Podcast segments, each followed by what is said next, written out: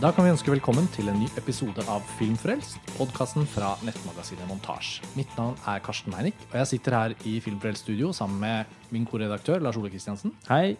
og montasjeskribent Truls Foss. Hallo, hallo. Eh, Velkommen tilbake på Filmfrelst eh, igjen, da, Truls. Det er faktisk et par år siden, regnet ut, siden sist du var på Filmfrelst. Ja, jeg tror sist var i Berlin med Lars Ole og Nymphomaniac volum 1, Directors Cut-episoden. Det stemmer. Veldig godt å ha deg tilbake. I denne episoden skal vi snakke om den nye filmen til Zack Snyder. Eh, Den kom jo ikke akkurat som en sånn eh, skjult perle inn fra siden. Dette er en film som har vært hypet og markedsført opp i huet og i mente, siste, i hvert fall siste året. Og eh, filmens tittel er selvfølgelig Batman versus Superman Dawn of Justice. Og det er oppfølgeren til Man of Steel. Og det er også filmen som for alvor igangsetter et slags sånt multisuperheltunivers for Warner Bros. og DC Comics. Med da Wonder Woman og Batman og Supermann og etter hvert Aquaman. Aquaman, The Flash. Uh, og med Suicide Squad, som også kommer senere i år, så får man jo mange flere Og. Justice League, Justice som, League da, som skal gå i opptak, som blir på en ja, et måte cetera, et cetera, DC. Comics var på The Avengers. Ja. Og så, Lars Ole, Vi snakket jo litt om dette før opptak. Altså, Hva blir vår vinkling på denne filmen? egentlig? For Vi, har- vi alle måtte være litt ærlige på at uh, vi har ikke noe sånn die hard forhold til på en måte tegneserieuniverset, DC Comics og sånn. Og sånn og sånn. Og konklusjonen vår ble jo litt sånn Zack Snyder. Ja. En autør. Eh, Ja. På godt og vondt. Eh, både blant hans publikum og internt i montasje eh, på den ene eller andre måten. Så vi kan kanskje starte litt der. Eh, og du er jo en uttalt eh, forsvarer av Zack Snyder. Vet jeg at lytterne våre vet, og leserne våre vet. Ja, jeg er ganske lidenskapelig begeistret for eh, det Zack Snyder holder på med. Og han har jo han har vært en kilde til mange meningsutvekslinger innad i montasje eh, opp gjennom årene. Og eh, når jeg går i møte med denne filmen, det, så er jo det eh, med den forventningen at jeg skal se en Zack Snyder-film. I utgangspunktet så synes jeg jo alltid sånne type sånn Altså den type fiksjonsunivers hvor helter liksom skal møte hverandre. Det- Altså Sånn For meg blir på en måte Batman versus Superman litt sånn som liksom Gandalf versus Harry Potter. Ja. Altså, eh, nå setter jeg det selvfølgelig veldig på spissen, men i utgangspunktet så syns jeg det er litt tåpelig. Mer tåpelig enn at det oppstår en egen spenning som gjør at du liksom yrer av Ja, fordi For meg har ikke Ja. Batman og Supermann noe som helst med hverandre å gjøre. Men Nei. det er jo selvfølgelig fordi jeg ikke kjenner til tegneseriene, og jeg har kjempestor forståelse for at for tegneseriefansen Mm. eh, så får jo dette liksom eh, De kan jo smake på dette og kjenne noen nyanser som, som jeg ikke er i stand til. Mm. Eh, men i utgangspunktet så har det aldri vært en sånn drøm for meg om at å, så sykt kult hvis Batman og Supermann kan møtes til kamp på lerretet.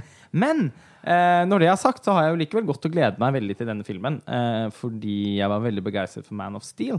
Og, eh, og på alle måter har imøtesett en oppfølger til denne filmen. Særlig da fra Zack Snyder, som jeg syns gjorde veldig mye interessant ved er noe stille? Det vet jeg det er veldig mange som er uenig i. Men uh, for meg så står det som en av de helt absolutt beste superheltfilmene fra de siste årene.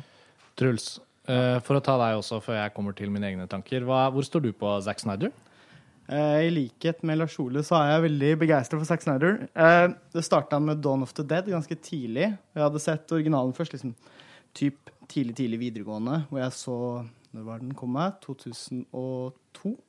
Nei, litt senere. Litt senere. jeg, sånn 2006. og Ja. Ja, i hvert fall uh, Dawn of the Dead. Jeg var veldig begeistra for den. Og så kokte liksom Zack Snyder litt bort i en sånn slags kål. Mm. For han dukka tilbake igjen med Watchmen, hvor det var det første gjensynet som på en måte skapte Watchmen for min del. Første, første runden på kino så var jeg ganske skuffa når jeg gikk ut, for det var liksom litt i min sånn pretensiøs tid. Jeg hadde akkurat lest tegneserien til Al Moore var der. Og så Så, ja. Du var ikke helt i stand til å liksom, ta imot den adaptasjonen til Zack Snyder? I like- ja. i møte med Directors Cutten, som på en måte var utbrodert enda mer, og jeg da hadde vokst litt og kunne på en måte virkelig smake på Zack Snyders visuelle stil, Mm. og bruk av musikk og popkulturelle referanser, og da på en måte ble den regissøren som jeg likte han som. Eh, og så så jeg har sett opp igjen alt etterpå. Jeg liker også veldig godt animasjonsfilmen hans 'Legenden om vaktuglene', som jeg syns er helt nydelig. Ja, Eh, den er undervurdert. ja. Bare, først og fremst bare fordi den er så ufattelig vakkert animert. At, uh, altså, den filmen er altså, sånn, Animasjonen er så uh, Detaljrik. ja, den er så imponerende at uh, den burde man faktisk sjekke ut bare på grunn av det. Fortell, Historiefortelling er kanskje ikke så spennende, men Nei, men liksom det blåser i fjærene, og det er mye ved den filmen som ser helt sånn fantastisk ut. skikkelig 100 Zack Snyder-film. Er det en av de reneste? Ja, det vil jeg faktisk si. Mye renere enn den filmen vi skal snakke om i dag. Ja. Så, men i hvert fall for å avslutte den, så har på en måte Zack Snyder vokst seg mer og mer da, med Sucker Punch. Og jeg likte også Man of Steel veldig godt. Han vokste seg opp til å bli liksom Batman vs. Superman ble liksom wow. Det ble jeg liksom Jeg tenkte at det kommer til å bli årets virkelig store blockbuster-film. Så jeg hadde veldig høye forventninger. til. Fordi man tenker at et så, litt sånn Litt sånn tøysete, corny konsept som det er, så tenker man at hvis noen skal klare å naile det, så er det jo nettopp Zack Snyder. Fordi han flere ganger også har vist tidligere at han kan få ting som, som er veldig corny, til å bli ordentlig kult. Det han litt har eh, lyktes med, bare for å ta over den lille analysen du satte i gang med der, er vel at hva som helst, uansett hvor teit det ser ut på papiret, kan uansett bli overtatt av Zack Snyders Snyderhet. At han på en måte overgår eh, utgangspunktets eventuelle rare miks. Eh, Så kan man bruke det eksempler. Altså gresk mytologi som på en måte er tegneserifisert, men som også er blitt litt sånn dratt ut til de utmerkede eh, liksom stereotypiske klisjeene. Og så har liksom Zack Snyder skutt 300 som om han liksom aldri skulle få lage en film igjen. Må liksom, må, jo, men som om han liksom Jeg må bare vise verden alt jeg tenker at kan være fett på film, sånn at jeg får gjort det. Og hvis ikke jeg får lov å lage en film igjen, så, så fikk jeg i hvert fall gjort det da. Uh, 300 er en film jeg eh, ikke hadde sansen for da jeg så den, og så er jeg på en måte, den har grodd på meg litt. Og Zack Snyder er en filmskaper jeg har Jeg må innrømme at jeg har fått mer interesse og respekt for ved å tilbringe så mye tid med f.eks. Lars Ole. Eller liksom sånn, jeg føler liksom sånn Den gradvise snakken om Zack Snyder som har blitt mer og mer sånn respektfullt sånn Huh. Men liksom oppi blockbuster-galskapen til Hollywood så har det liksom grodd fram en slags autør der, da. Og jeg har på en måte kanskje vært den mest begrensede av uh, entusiastene. Men jeg har ikke vært liksom har ikke hatt noe sånn hatsforhold i det hele tatt, sånn som mange andre har. Og Watchmen hadde jeg et gjensyn med. Det var vel en av de andre filmene hans jeg så sist. Det er vel noen måneder siden. Det tror jeg aldri vi fikk snakket om. Men det var ikke, jeg hadde ikke så mye å berette, bortsett fra at jeg bare fikk bekreftet at jeg syntes den var en bra film. Mm. Og, øh, og jeg hadde en slags idé nå før Batman vs. Superman om at jeg skulle rekke å se Sucker Punch om igjen, for den har jeg da på Blu-ray og har bare sett én gang da jeg så den på kino og tenkte at den skal være gøy. ass. For den føler jeg, øh, i ettertid, særlig når den har blitt snakket om, så har jeg kjent litt at det er vel kanskje ur Zack Snyder-film. For den er så, der er på en måte premisset så kan dette i det hele tatt bli noe, liksom? Eller er det i det hele tatt noe innhold? Er sånn, sånn man kan tenke at den er så sykt vanskelig å pitche. Jeg har prøvd å foreslå uh, til folk nær meg Skal vi se den her, den handler om Og så kommer jeg ikke så veldig langt. Så jeg bare, det er en Zack Snyder-film. uh, ja. Men OK, så Det er jo en type film som ingen andre ville klart å lage. Og det er ikke de, Hvis de hadde prøvd. hvis de hadde prøvd. Og det betyr ikke det samme som at han nødvendigvis lykkes, for det er veldig mange som syns at Sucker Punch er en eh, altså en Meningsløs film på mange totalt måter. Meningsløs og mislykket film. Det er veldig film om å enten være med på å svelge eller ikke. Ja, altså, Hvis man ikke er, setter seg spennende liksom fast setebeltene og er med på den turen, Mm. så er man helt sjanseløs. Men jeg er jo helt enig med deg at uh, det er liksom ur-Sax Snyder-filmen. Det er jo også hans eneste originalmanus. Uh, Don Do Dead var 2004, bare sånn for å føye til det. Jeg fikk sjekket det mens dere pratet. Uh, men det bringer oss til Batman vs. Superman. da. Nå har vi varmet opp litt, og faste lyttere har jo på en måte hørt oss snakke om Zack Snyder før. Her er det en ny film, og det er jo en gigantfilm. Nå tenker jeg bare rent sånn produksjonsmessig og markedsføringsmessig og merkevaremessig, og det er, det er en av de svære superheltgreiene. Og det er Warner, det er helt åpenbart da at Warner Bros har brukt uh, Zack Snyders utgangspunkt med Man of Steel til å igangsette hele denne Marvel-aktige De prøver jo bare å kopiere Marvel, basically, da, og få liksom filmatisk liv til alle mulige sånne superheltrettigheter de sitter på, som kommer fra DC Comics-biblioteket. da. Og jeg hadde ikke spesielt sansen for Man of Steel, og det handlet om at filmens første halvdel var så bra for meg, mot andre halvdels svakheter. Så det var en sånn film som jeg følte kollapset i takt med den hundrende skyskraperen som kollapser i løpet av den siste actionscenen. Så følte jeg liksom jeg kunne se filmen bare falle fra hverandre foran øynene mine. Mest fordi at jeg ble så trøtt på det. Jeg syns filmen ble kjedelig. Så mer intens og actionspektakelaktig den ble på slutten, så ble jeg bare mer og mer kjedet. Um, derfor har på en måte mine forventninger vært veldig merkelige i forhold til denne. Uh, jeg vet at jeg skal se den, og, og vi skal snakke om den, på en måte, men jeg har også vært helt sånn Ja, det får bare bli det det blir. Eh, men Lars Ole, du har jo, du har jo litt hatt trua, føler jeg. Ja, jeg har, jeg har det. hvert fall av oss to. Ja, det må jeg si. Fordi nettopp, som jeg sa i stad, så er dette en sånn typisk eh, et, et, et premiss som jeg tenker at Zack Snyder er spesielt egnet til å kunne lykkes med å lage en spennende film ut av. Og det handler om at eh, Og hvis han skal lykkes eh, etter min smak, så er han nødt til å, til å på en måte dyrke seg selv som filmskaper. Og det har han alltid lyktes med. Eh, Man of Steel, som jo også var en gigantproduksjon, og hvor, hvor Warner Bros. nok hadde noen ganske spesifikke forventninger til hva de skulle få. Likevel der så var det jo veldig tydelig at han fikk liksom helt sånn kunstnerisk frihet. Eh, og filmen ble jo heller ikke så innbringende eller så populær som det Målt mot hvor, hvor mye den kostet, og hvor mye den kunne ha tjent Nei, inn. så den var jo egentlig en skuffelse for dem. Eh, og, og jeg har bare vært glad for at filmen er som den er. Jeg, Inntjening er ikke like viktig for deg. Nei! Uh, og jeg syns at Man of Steel lykkes med Jeg synes det lykkes med å være en coming of age-historie. Jeg syns det lykkes ikke minst med å være liksom en myteskapende film. Uh, og den har noen Den er så imponerende visuelt, syns jeg. Og det gjelder også de actionsekvensene, som jeg kan ha forståelse for at man blir trøtt av. Men eh, for, altså hvis jeg først skal se på action på kino og det er jo så mye, altså så Disse Marvel-filmene og sånn er jo full av sånn støyende action hele tiden, men da uten en eneste, gjerne uten en eneste virkelig interessant visuell idé. Eh, eller en teft for, den, for å skape den rytmen da, som actionscener trenger. For å kunne nesten bli sånn ballettaktige. Og Zack Snyder syns jeg jo virkelig klarer det i, i Man of Steel.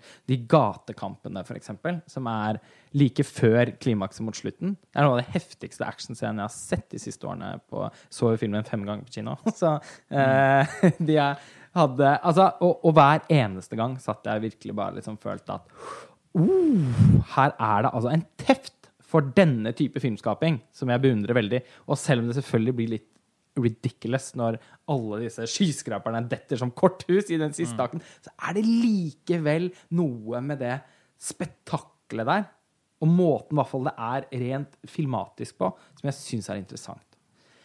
Åpenbart så har han ikke hatt den samme kunstneriske friheten når han skulle gyve løs på Batman versus Superman. Nei, Enten det, eller kombinert med at han Det kan jo hende han også har gått litt trøtt på hvor oppfinnsom han klarer å være innenfor. Selvfølgelig. det må Men det, det må tas med i betraktning. Men min eh, For å kaste ut en Ja. idé, da, Ja.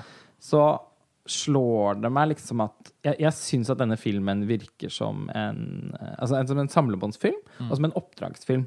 Eh, og da i sterk kontrast til alle de tidligere filmene Zack Snyder har gjort. Fordi jeg ser for meg at for Warner Bros. kan umulig ha vært fornøyd med Man of Steel. Så de må ha sittet og sagt at OK, du skal også gjøre denne filmen, men vi må gjøre noen kompromisser. Ja, og jeg tenkte, jeg synes det var litt bra det du sa, Karsten. Det er som at 300 er liksom han lagde den filmen som skulle være hans siste film. Han bare gønna på og gjorde absolutt alt. Det er litt sånn Sånn har det på et vis vært med alle Snyder-filmene fram til den her. Hvor liksom alle har pulsert av Snyderisme over det hele. Og så kommer den her, som føles liksom begrensa. Jeg syns jo den starta veldig veldig flott. Det har jeg snakke om, det er en åpningssekvens hvor det er noen det er et perlekjede som går i stykker, og det- man føler Watchmen over hele seg når man ser det. Det er da, for å Helt skyte til inn casting. Helt ja. for å skyte inn, Det er jo denne ursekvensen fra Batmans barndom som vi har fått flere versjoner av i tidligere filmer. Jeg fikk så flashback av den sekvensen. Jeg tenkte sånn, ja, den har jeg Ikke bare har jeg sett den selvfølgelig hos Nolan, men jeg har også sett den hos Tim Burton. Burton, ja.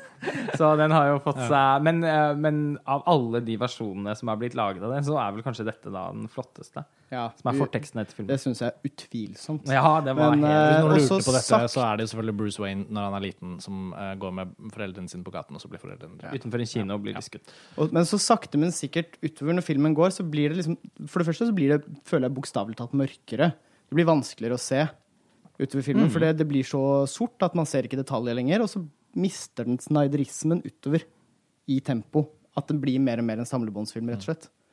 Nå er vi jo i gang selvfølgelig, med å snakke om Batman vs. Superman og hva vi tenker om filmen. Jeg tenker La oss ta en sånn, fortsette den runden, men holde det sånn spoilerfritt eh, noen minutter til. Og så sier vi fra, og så kan vi jo diskutere alt med filmen. For det føler jeg også vi- vi må. Det er jo liksom egentlig ting som skjer liksom underveis, som, som føles som de beste eksemplene på, på filmens svakheter. For jeg kan jo også føye meg til at jeg syns jo ikke det var en spesielt eh, god film. Men pga. at Man of Steel ikke er en spesielt god film for meg, det heller, så syns jeg denne liksom var en liksom slags sånn Ja.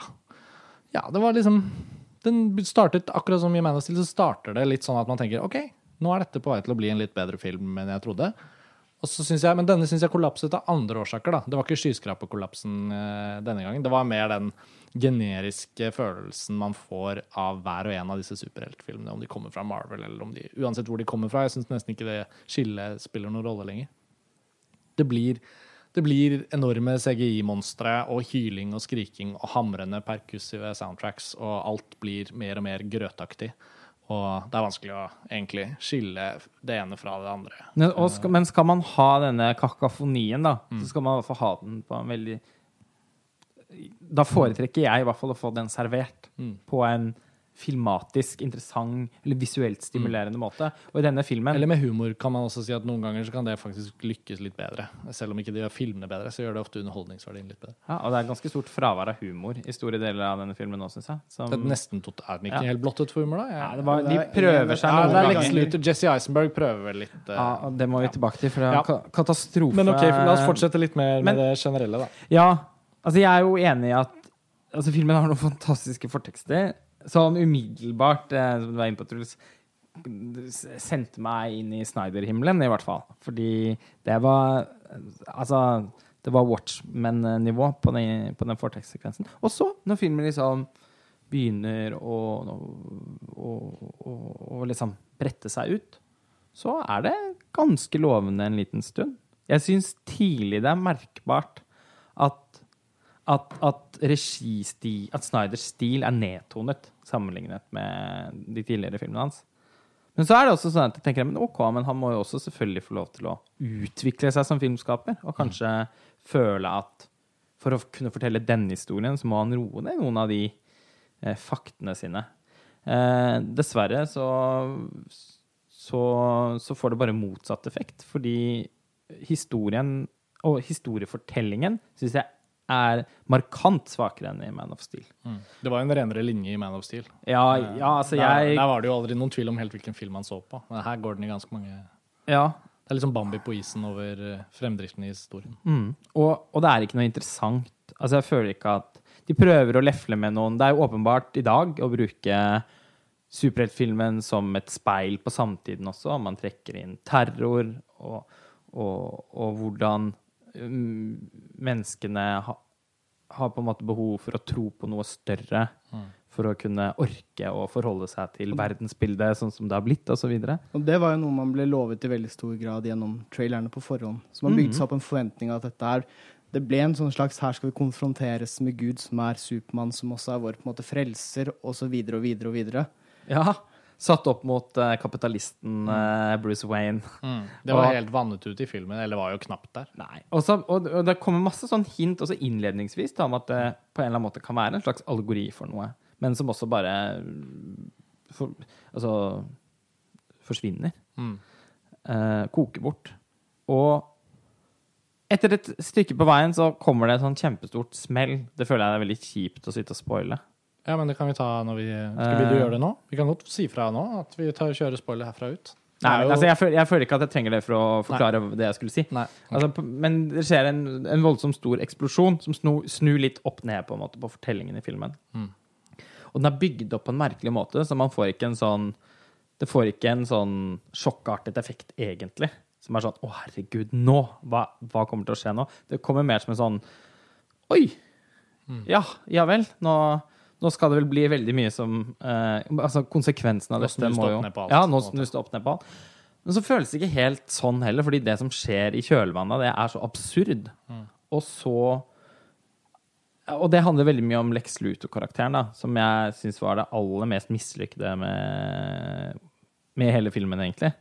Eh, hvor Jesse Eisenberg, som er en skuespiller som jeg setter veldig stor pris på, men det blir kanskje litt synlig at han ikke nødvendigvis har et så stort register. Eh, man minnes jo Man blir jo veldig påminnet om hvor god Heath Ledger er i rollen som The Joker i The Dark Knight. Eh, det var veldig tydelig at Lex Luthor i den filmen her også skulle ha en del joker-aspekter ved seg. Sånn latter, he-he, paranoiaen hele tiden.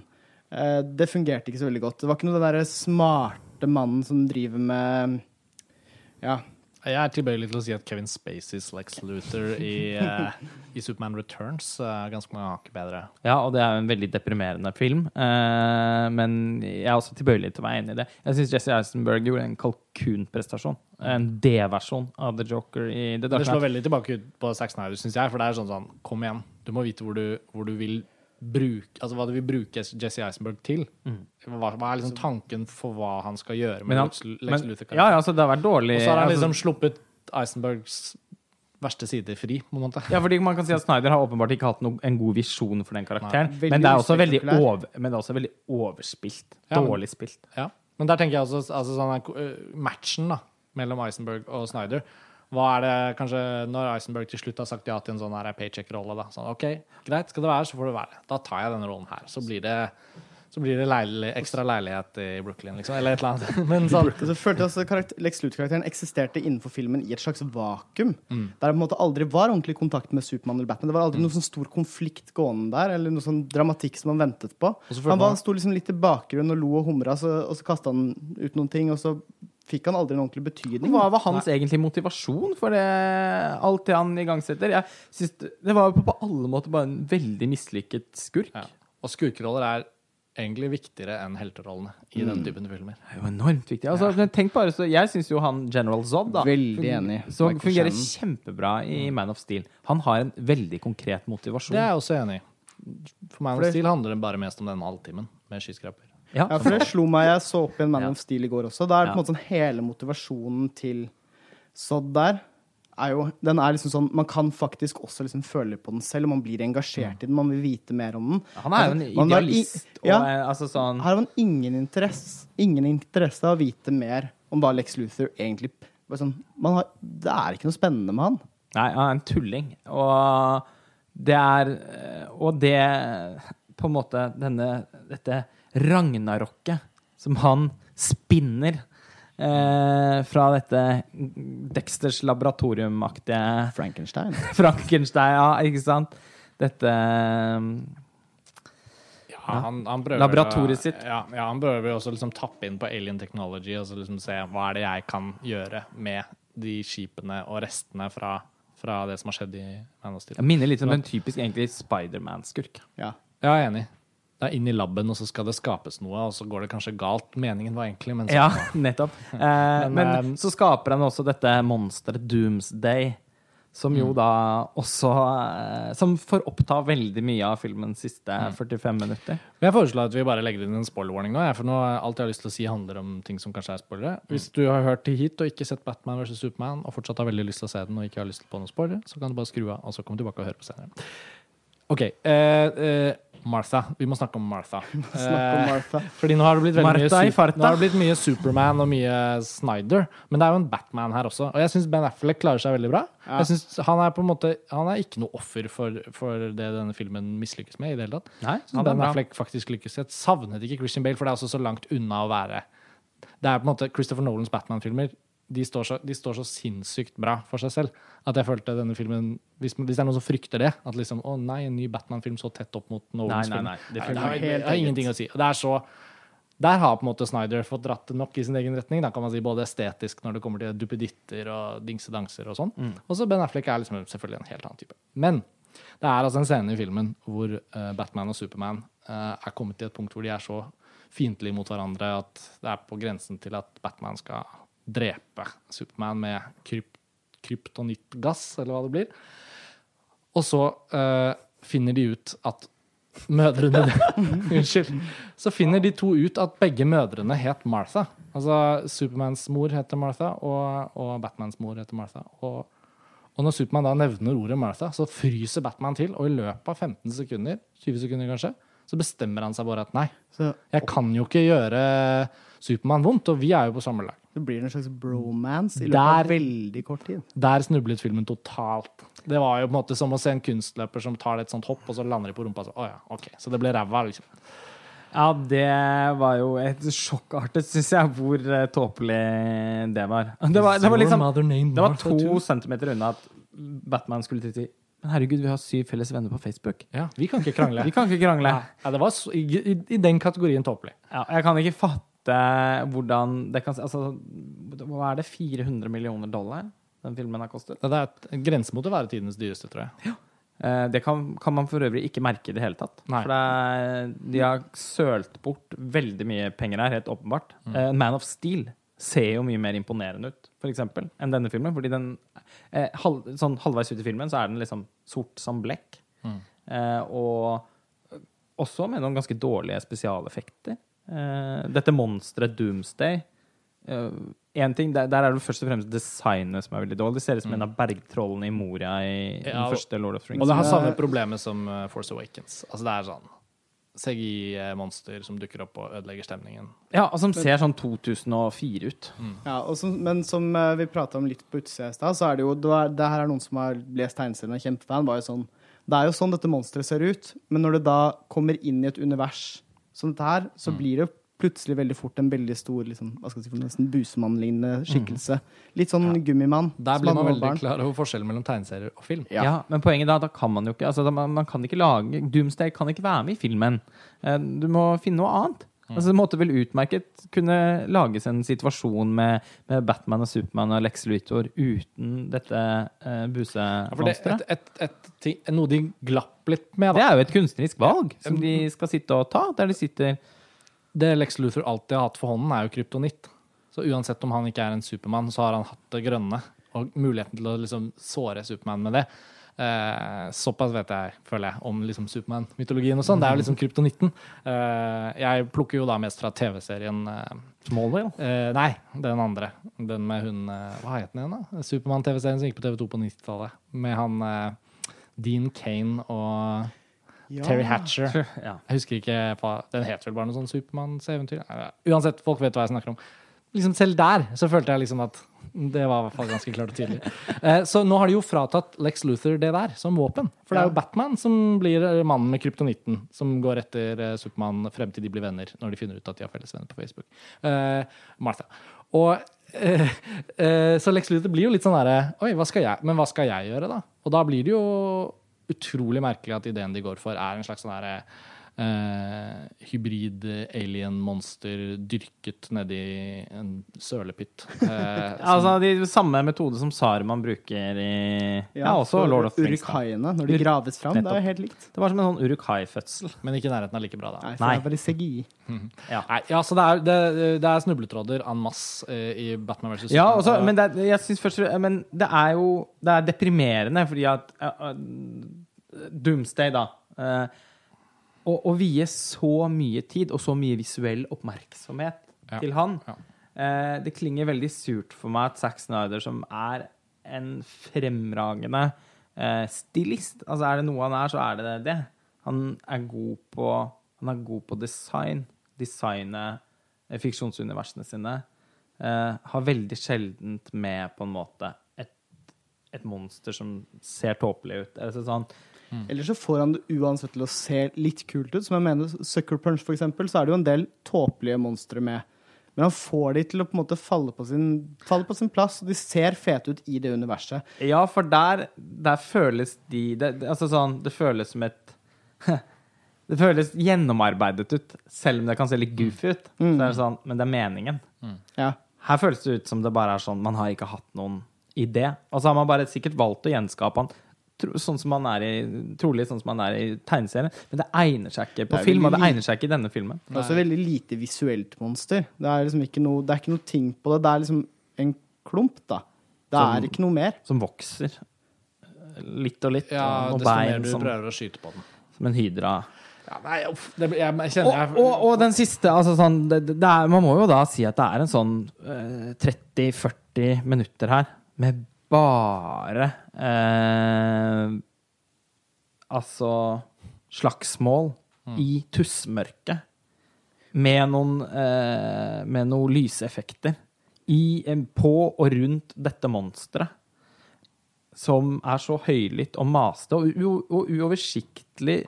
Og altså, den type vidunderlige sånn koreografien da, som er i de beste Zack Snyder er jo kjempegod på slåssesekvenser. Også sånne nærkamper. Alt det er jo helt vekk her. Og Det er ekstra skuffende med tanke på at han igjen eh, Det gjorde han ikke på Man of Steel, men nå samarbeider han med Larry Fong, som er fotografen på 300 Watchmen og Sucker Punch, som har liksom gjort noen av de mest sånn visuelle, interessante Zack Snyder-filmene. Eh, og det at den filmen her ender opp med å liksom bli så mørk og så uutforska i det universet på et vis, er veldig Det er synd. Det Hva er forventa? veldig, veldig merkelig. Altså, Larry Fong gjorde jo ikke Man of Steel, og det husker jeg var en kilde til bekymring for min del før den første traileren kom. eh, Hvor det var over, altså, ganske åpenbart det at det, det er, var fotografen til Michael Bay, som han brukte på Han Transformers. Sarasin, Nei. Nei. Du pleier å være god på fotografer. Ja, du tenkte på. Remi Adefrasin? Eh, Nei, nå tenkte jeg på han, han Nei, det var noe annet jeg tenkte på. Men jeg husket heller ikke navnet. Uansett. Nei. Uh, Man of Steel ser jo veldig bra ut. Det er det jo ingen tvil om. Uh, I to det- sekunder så tenkte jeg plutselig at det liksom kanskje var Dan Mindel òg, men jeg tror ikke det. Jeg tror det var fotografen til uh, Michael Bay eh, på, på Transformers-filmene. men, eh, men den beviste jo på en måte bare at at, eh, at Zack Snyder ikke, nok ikke er spesielt avhengig av hvilken fotograf han jobber Nei, med. I alle tilfeller så syns jeg uansett det var gledelig å få på papiret da, å få Larry Fong tilbake, men det var helt åpenbart det minst interessante jeg har sett han har gjort. Amir Mokri. Amir Mokri, ja. Mm. Så var det avklart. Også fotografen på Lord of War til Andrew Nickel. Av alle ting. Ja. Um, jeg må trekke fram et lyspunkt her. Wonder Woman. I Ja. Gal Gadot sin skikkelse. Um, for Fast and Furious-fans så er jo det selvfølgelig en, en heltinne. Um, altså, hun var veldig bra. Og der tenker jeg man kan se frem til uh, hennes standalone-film, som kommer neste år sikkert.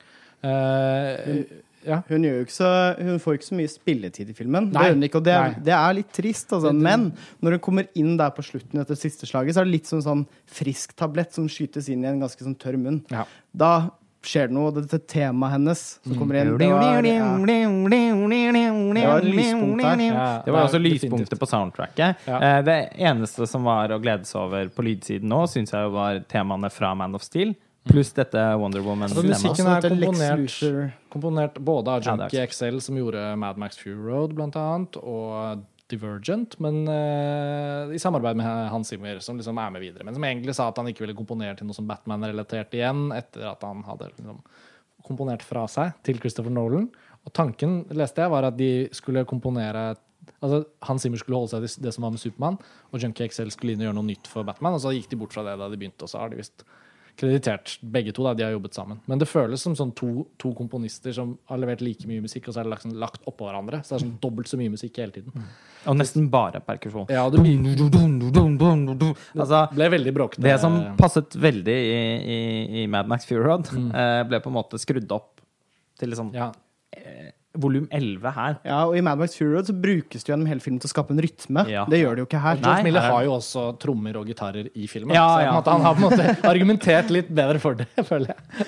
Det, det er jeg helt enig i. Og, men altså, her syns jeg, jeg synes det var forferdelig slitsomt lydspor. Og, og i, i det hele tatt så blir filmen på et tidspunkt synes jeg, så audiovisuelt slitsom og vanskelig å glede seg over at jeg bare ble helt revet ut av den og begynte å glede meg til filmen var slutt. Og det syns jeg var, var eh, virkelig deprimerende. Jeg må si at jeg syns dette var en film For min del så var det en film nesten helt uten lyspunkter. Uh, ja, jeg syns at Ben Affleck eh, lyktes godt som Batman. Det, det vil ikke si det samme som at jeg syns det var en kjempefascinerende Nei. rollefigur, eller Jeg at trakk det fra følte- i utelukkende for å si at han, han bidro ikke til det negative, på en Nei, måte.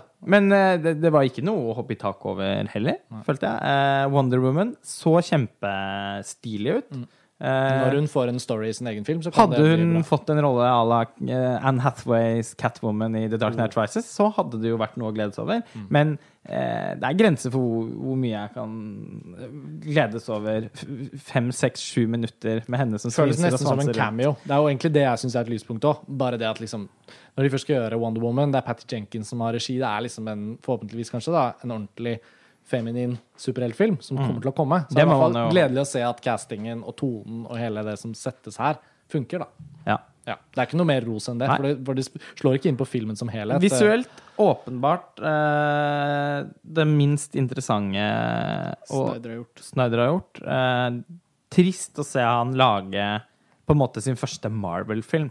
Mm. Det er jo det dette minner om. Det er, så, Som, som- kan være et kompliment i noen eh, Ja sine ører. Og, og det jeg tviler ikke på at det vil finnes en del personer der ute som vil sette betraktelig mer pris på den filmen enn jeg gjør, og som kanskje også vil foretrekke den uh, for, uh, istedenfor altså, Satt opp mot Man of Steel. Det kan jeg nesten egentlig ikke forstå, men uh, Du men det er- åpner for det. ja, ja altså, sånn, det, jeg vet ikke. Det er i mange som syns at Man of Steel er kjedelig.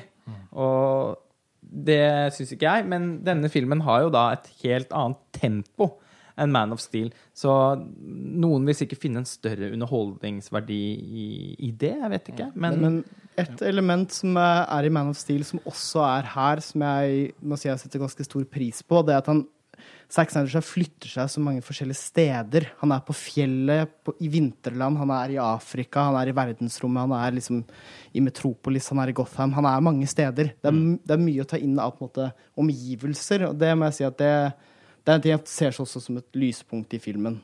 ja, det er jo noe, men samtidig så opplevde jeg ikke at Jeg fikk ikke den samme sånn uh, beruselsen av av stedene, da. Du hviler ikke ved dem på samme måte. Nei, jeg syns ikke det.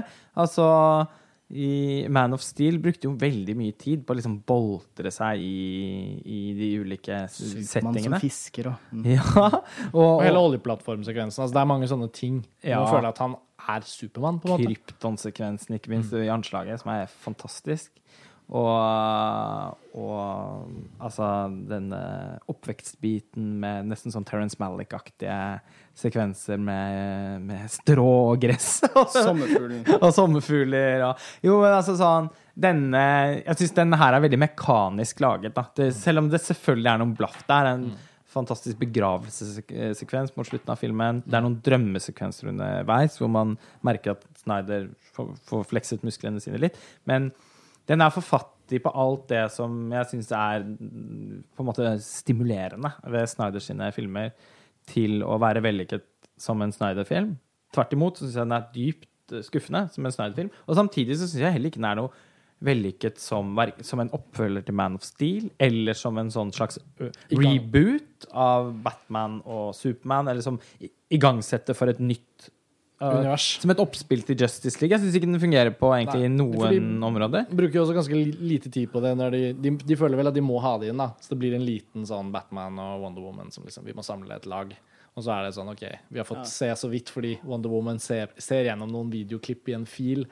Eh, fil med en mappe på en datamaskin, og så er det sånn OK, det er The Flash, han fins, og så er det Aquaman, og så er det denne tredje som jeg ikke vet. Ja, da, ikke hvem det var. da stakk det liksom meg i, Ja. i lattermusklene da jeg så Aquaman for første gang. Ja. Hal Drogo. Svømmende ut av Jeg tror ikke jeg kommer. Jeg, kjenner, jeg, jeg tror ikke jeg kommer til å kaste meg over den filmen når den kommer, men hvem vet. Eh, men hele DC Comics uh, multi, multisuperheltuniverset er i hvert fall igangsatt, og det er på en måte Det er full steam ahead for Warner, så vi vet jo at disse filmene kommer til å komme fremover. Og da vil det jo nødvendigvis bli denne filmen, da, selv om vi syns alle at det er en svak film, så vil den jo bli naturlig å vende tilbake til senere og tenke sånn OK, hva var det, de, var det noe de tenkte der? Er det noe Men jeg føler også at det var veldig lite som lå mellom linjene her. Jeg føler ikke at det er sånn tredje gang du ser den, så bare Å ja, så har de plantet det eller det eller det. Det føltes veldig sånn påklistret. Som, som, en sånn- som en sånn gul lapp som bare var festet sånn. Og Jeg så tror ikke den. Martha-tvisten kommer til å vokse noe Nei. ved Nei, jeg ser for meg bare at den utvikler seg til noen lollete internett-memes. jeg. At, Ja, det at det blir noen giffer og gøy. Men hvordan, altså jeg skjønner ikke hvordan kan de sitte Martha? og tenke at det holder, at det er bra?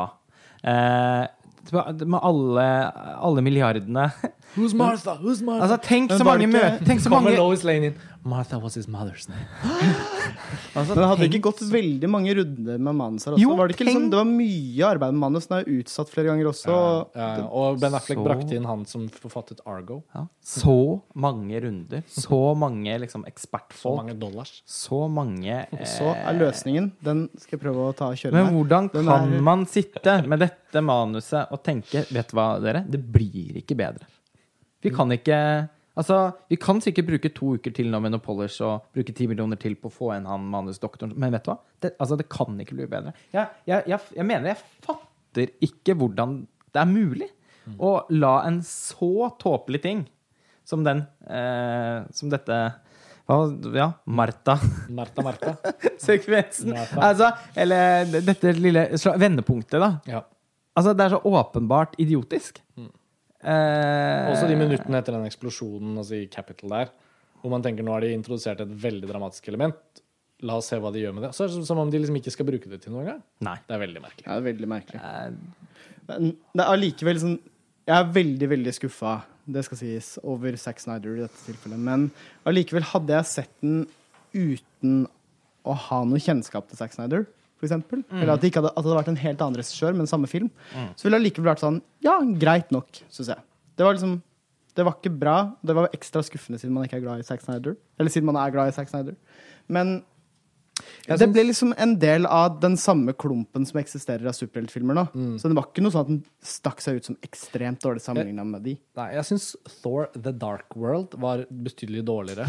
Eh, jeg syns også Terminator Genesis var dårligere. Eh, hvis vi skal trekke inn litt sånn Ja, For der prøver de seg jo også. Der har de ikke noe andre univers å knytte seg til, da. Men der prøver de også liksom eh, Kan Terminator-universet utvides inni seg selv? Kan Arnold spille flere versjoner av samme Terminator? Da blir det jo sånn Ja, det- multiplott, eh, multi- Ja, multi-Terminator-univers. det er også en sånn Eh, eh, møteromsfilm hvor jeg ser for meg ja. liksom vannkokerne Ja. og, og, og blokkene og, og og, og, penner. og jeg syns den var hakket mer sånn straight up underholdning enn det X-Men Days of Our Futures Past in the Future var. For den syns jeg var Den var liksom en slags Den syns jeg mer var en fornærmelse. Det følte jeg ikke det kom helt til her.